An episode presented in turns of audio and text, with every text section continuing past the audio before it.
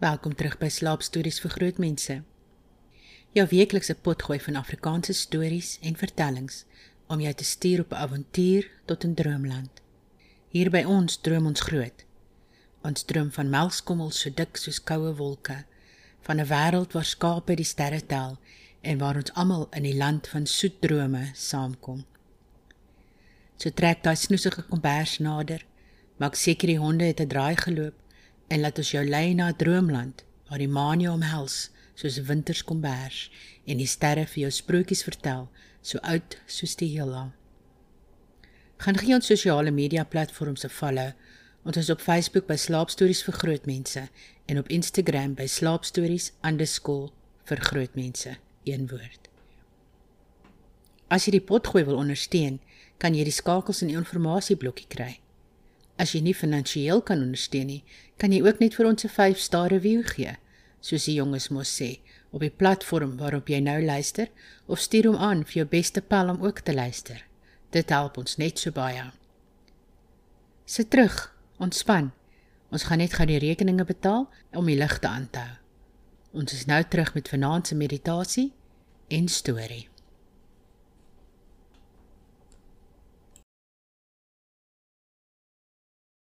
Vanaand is ons borg die koler. Enige persoonlike skryftaak, groot of klein, kan ons vir jou doen. Besighede, ons help met artikels en enige sosiale media inhoud. Studente, ons kan help met toesprake, debatte of take. En skrywers, julle kan ook op ons klokkie druk. Gaan na ons Facebook bladsy De Koler vir meer info. Hoop om binnekort van jou te hoor. De Koler, we do it right for you. Daar sê Wens ek het geweet van hulle toe ek my boeke geskryf het. Maar nou ja. Reg. Ek is seker jy is nou lekker snoesig. Kom ontspan nou ten volle. Lê heerlik agteroor. Maak seker jy is gemaklik en jou lyf is op al sy favourite plekkies. Maak jou oë saggies toe. Haal 'n diep asem in deur die neus Verbeel jou die lig is blink en skoon. Hou in vir 'n paar sekondes. En blaas uit deur jou mond. Kyk hoe verdwyn die dag se bekommernisse in die donkerte in. Neem nog 'n diep asem in. Hou. En uit. Voel hoe alle stres stadig uit jou lyf uitdryf. Jou voete voel lig en val selfs kante toe. Bene volg. Die maag. Bors. Arms. Skouers. Laat die kakebeen sak. Laat jou kop rustig rus. Asem in en uit. Asem in en uit.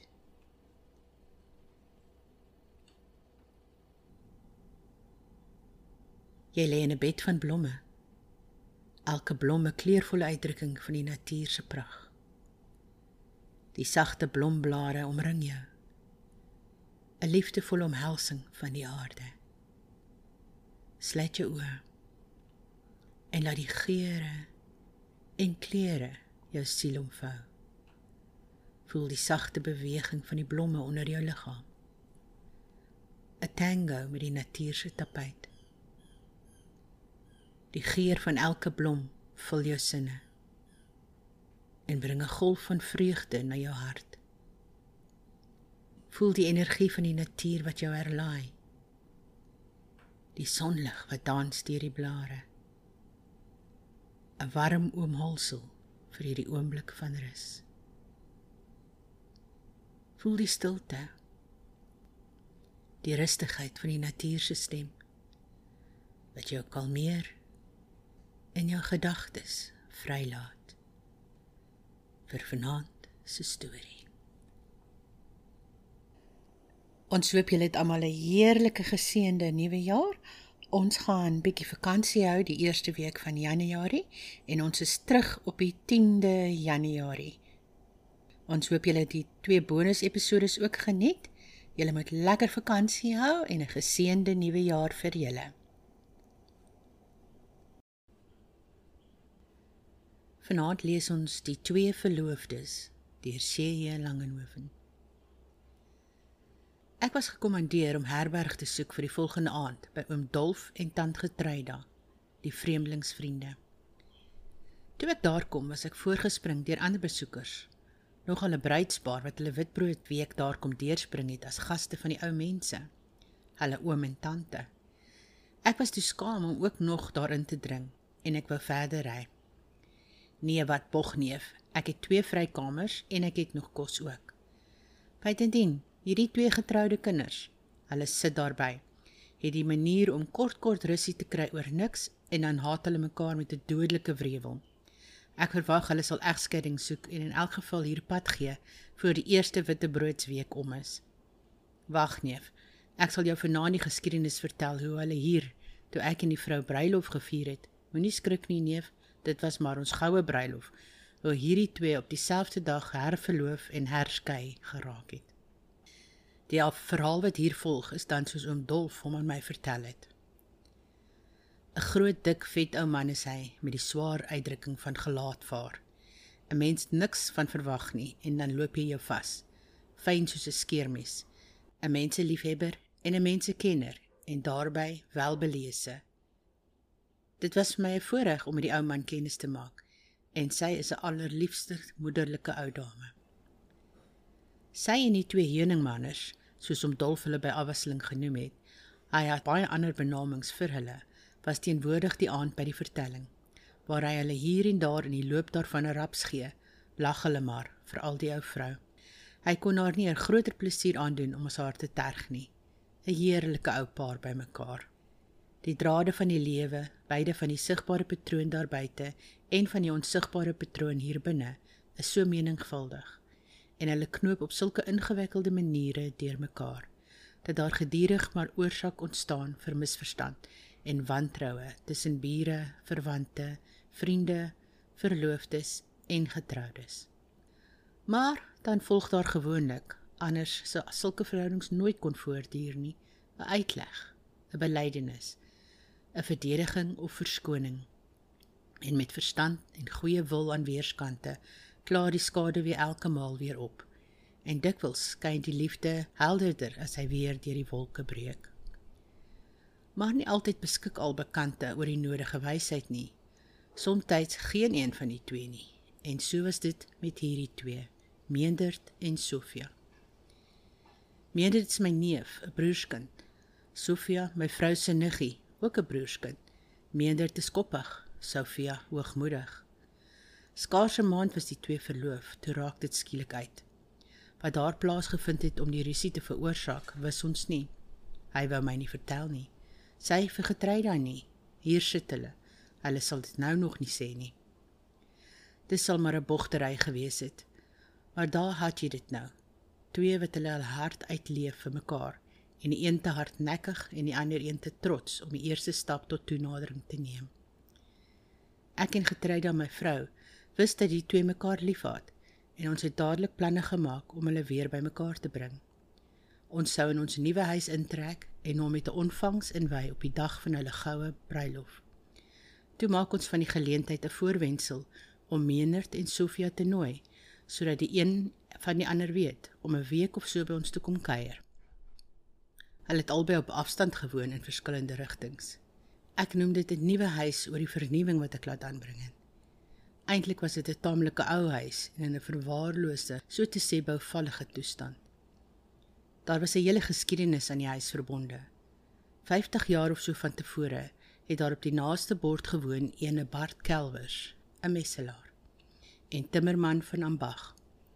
Hy kry 'n onverwagse erfenis. Hy koop 'n stuk plaas hier en hy bou vir homself die huis soos dit nou is. 'n Groot, pragtige gebou met vlerke aan die vier hoeke van die gemiddelste deel maar hy en sy vrou het nooit die huis bewoon nie. Toe die huis tot sy voltooiing nader, die dak was al op, maar die binneste bouwerk was nog nie klaar nie. verdwyn die vrou spoorloos. Daar was sterk suspisie want hy het haar 'n hondelewe gegee. Die polisie het rondgevisenteer, steenhoope omgegrawe en selfs vloere opgebreek, maar sonder uitslag. Maar die see is nie ver nie. En toe iemand 'n kappie van die verdwynde vrou aan die strand optel, het die agterdog van moord plek gemaak vir die moede van selfmoord. Natuurlik sonder dat die afkeerige gevoelens wat almal teen Bart Kelvers het, enige versagting ondergaan het. Toe die huis klaar was, het Bart een nag daarin geslaap en daarvandaan nooit weer nie.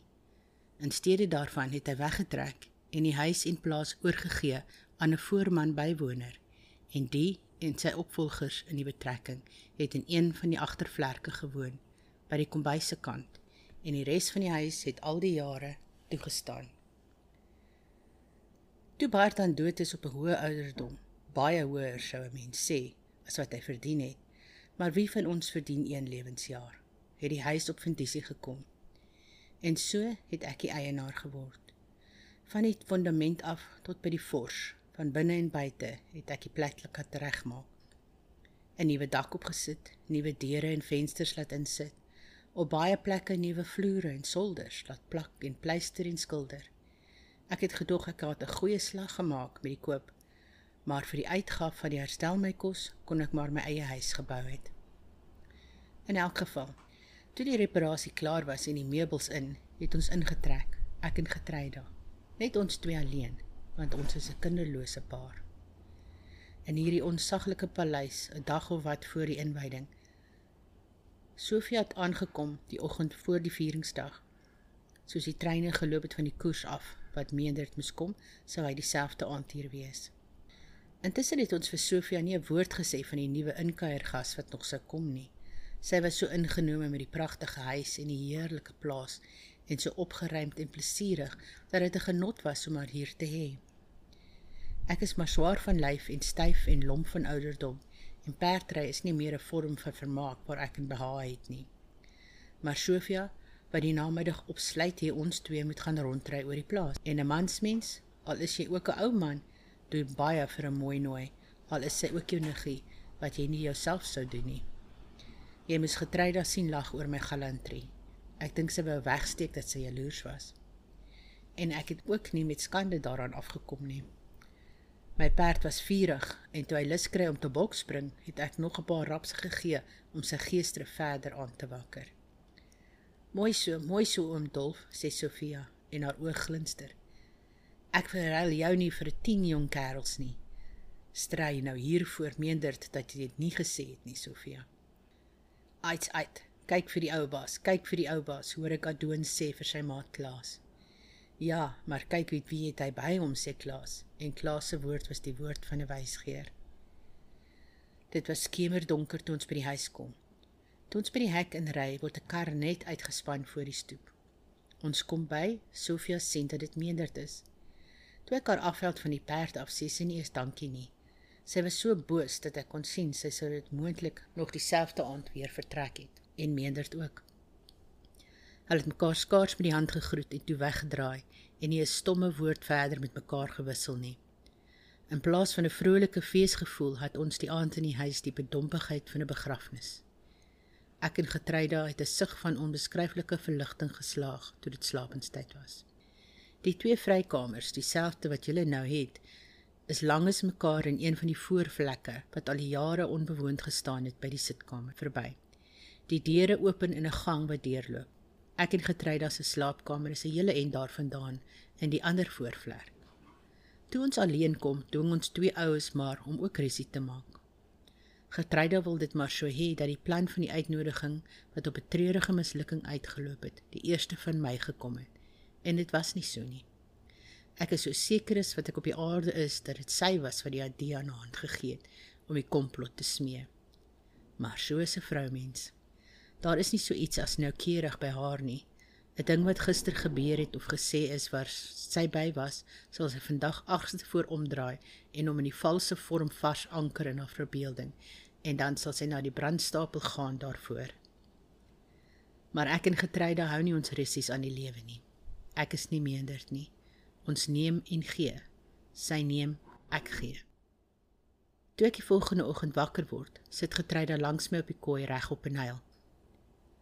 Ag hemel Dolf, en dis vandag ons troudag en ons inwydingsfees en die mense kom van alle kante en hier sit ons met die twee onmoontlike doodshoofde vir ons vernaamste lieflingsgaste. Wat op aarde maak ek tog? Ek soenaar, geluk geluk my ou vrou. 50 jaar vandag het ons nie ver saam gekom nie. Ek soenaar. Geluk geluk my ou vrou. 50 jaar vandag het ons nie ver saam gekom nie. Sy glimlag deur haar trane en sy omhels my weer. Treidatjie, gaan ek voort. In daardie 50 jaar het ons baie, baie maal skade wees op die pad vir ons sien lê. En wanneer ons daar inkom, is dit darm nie so donker as wat dit van voor af gelyk het nie. En dit is al die tyd ons twee se goue bruilof vandag, al is dit nie ander mense se nie. Ons kan ons gaste op alles trakteer, maar nie op die meer nie, maar ons kan dan darm voortsit. Kom ons probeer om Meendert en Sofia se mal by weg te lag vir hulle. Toe ek aangetrek was en uitkom op die stoep, staan ek byna weer agteroor in die huis in. Dit sou my nie meer verstom het as dit 'n spook was wat ek gesien het nie. Onder die laan vye bome, deur wat binnekant die ringmuur staan en die grasverp soem, kom Meendert en Sofia hand om die lyf. Toe hulle my sien, los hulle mekaar, maar hulle kom reguit op my af. Oom Dolf sê Sofia, van alle harte geluk met die goue bruilof. Roep vir tant Getreida dat ons haar ook geluk wens haar oë straal. En dat sy ons ook gelukwens, voeg Meender by. Ek en Sofia was albei mal om oor ons ou bokkeking resiet te maak. Sy het maar nie verstaan nie en ek het nie verstaan nie. Ek dink regtig waar getreide was net so bly as daardie twee. Dolf sê sy sommer voor hulle.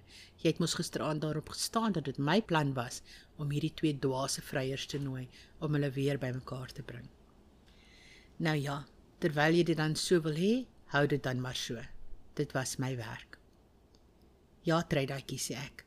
Ek het nog nie die minste bedoeling om dit anders te hou nie. Na breakfast het die daggaste dan begin aanstroom. Dit was 'n heerlike skone lentedag. Ons fees was 'n skitterende sukses. Aan die eetmaal voor op die gras was Meender die man wat die mooiste heildronks toespraak gemaak het. Sofia het so gesit en opkyk na hom en haar gesig het gebloei van 'n ander soort hoogmoed as haar eie. Maar die twee was maar meeste van die tyd op sy. Dit was baie agterstallig om in te haal. Toe dit na sononder se kant toe gaan en die mense begin op te staan en groepies te vorm en sommige sal aan die dag kom kom Antoons met meerderde perde aan en hy begin in te span tot my verbasing. 'n Rukkie later het meerderd vir my getrei dat taamlik koel cool bedank en gegroet asof dit ons was wat hy aan verloof was en my uitgeskei het. Sofia was nie daar nie en hy het nie na haar verneem ook nie. Ek en getrei dat dit eens probeer om met hom te praat nie. Om die waarheid te sê, ek was nou taamlik tot in my kop vol ook vir albei van hulle. Ek gaan my nie weer bemoei nie, dog ek. Laat hulle sien kom klaar. Die aand was Sofia nie tafel toe kom nie. Niemand sien ook nie. Sy sal maar in haar kamer bly. Sy het hoofpyn. Sal tant Getreida tog so vriendelik wees om vir haar net 'n koppie tee in te stuur. Getreida stink 'n koppie tee en sit dit op die skinkbord met 'n paar snytjies botter en brood. Sy sal dit self na Sofia se kamer toe neem. Wag vrou sê ek en ek vat die skinkbord uit haar hand. Bly jy hier? Ek is nou net die duiwel in. Ek sal vir Sofia onderhande neem. Ek weet hoe om met 'n vroumens te werk te gaan. Ek gaan dan al vandag 50 jaar met jou te werk. Toe kan Sofia se deur klop, maak sy van binne af op 'n skreepie oop om die koppie by die deur te vat sonder om haar kop uit te steek. Ek druk die deur oop, stap in, druk die deur weer op die knip, sluit hom en steek die sleutel in my sak. Ek sit so lank die skinkbord op 'n tafel neer. Sit daar, Sofia, sê ek barstig, en ek gaan regoor haar op die ander stoel sit. Ek sien dat sy lus het om hysteries te word. Sofia, sê ek, ek gaan vir jou en Meendert elkeen 'n duiwelse loosing gee, vir hom met 'n kierie en vir jou sommer nou hier met 'n pantoffel soos die babatjie wat jy is. Sy bars met 'n harde gehuil uit. Stil op die plek, sê ek, julle twee mamma se kindjies, julle onuitspreeklike twee swapies. Was die een les nie vir julle genoeg nie? Hier is julle nie 'n dag weer by mekaar nie en julle vry dat dit so bars. Hoeveel soene het jy vir hom gegee vandag? En daar is dit weer net so. Hoe reken julle om eendag as man en vrou saam te leef op hierdie katmel manier? Toe word Sofia kwaad. Dis net wat ek na gesoek het. Man en vrou bars uit. Man en vrou met hom sal leef, met hom gaan trou. Al was hy die laaste man op aarde, weet hom dolf wat maak hy. Hy klop vannag aan die muur en ek neem dit natuurlik sommer dat hy daarmee die eerste toenadering van sy kant af wil maak. Vanmôre word ek vroeg met die dagbreek wakker. Dit lyk so heerlik buitekant dat ek tog ek sal 'n end gaan loop. Ek trek my stilletjies aan om die ander mense nie te steur nie en ek gaan uit. Onder by die lemoenboord loop ek amper teen Mendert vas en omrede van die klop groet ek hom ewe vriendelik. Toe ek weer sien, was ek in sy arms. En soos hy gekom het, het ek hom ontvang. Hy het dan erken, al was dit nie eens met soveel woorde nie, dat dit hy was wat verkeerd was. Vanmiddag sit ons daar op dieselfde plek van die vroeë ontmoeting onder die lemoenbome op die gras. Ek het my hand in syne.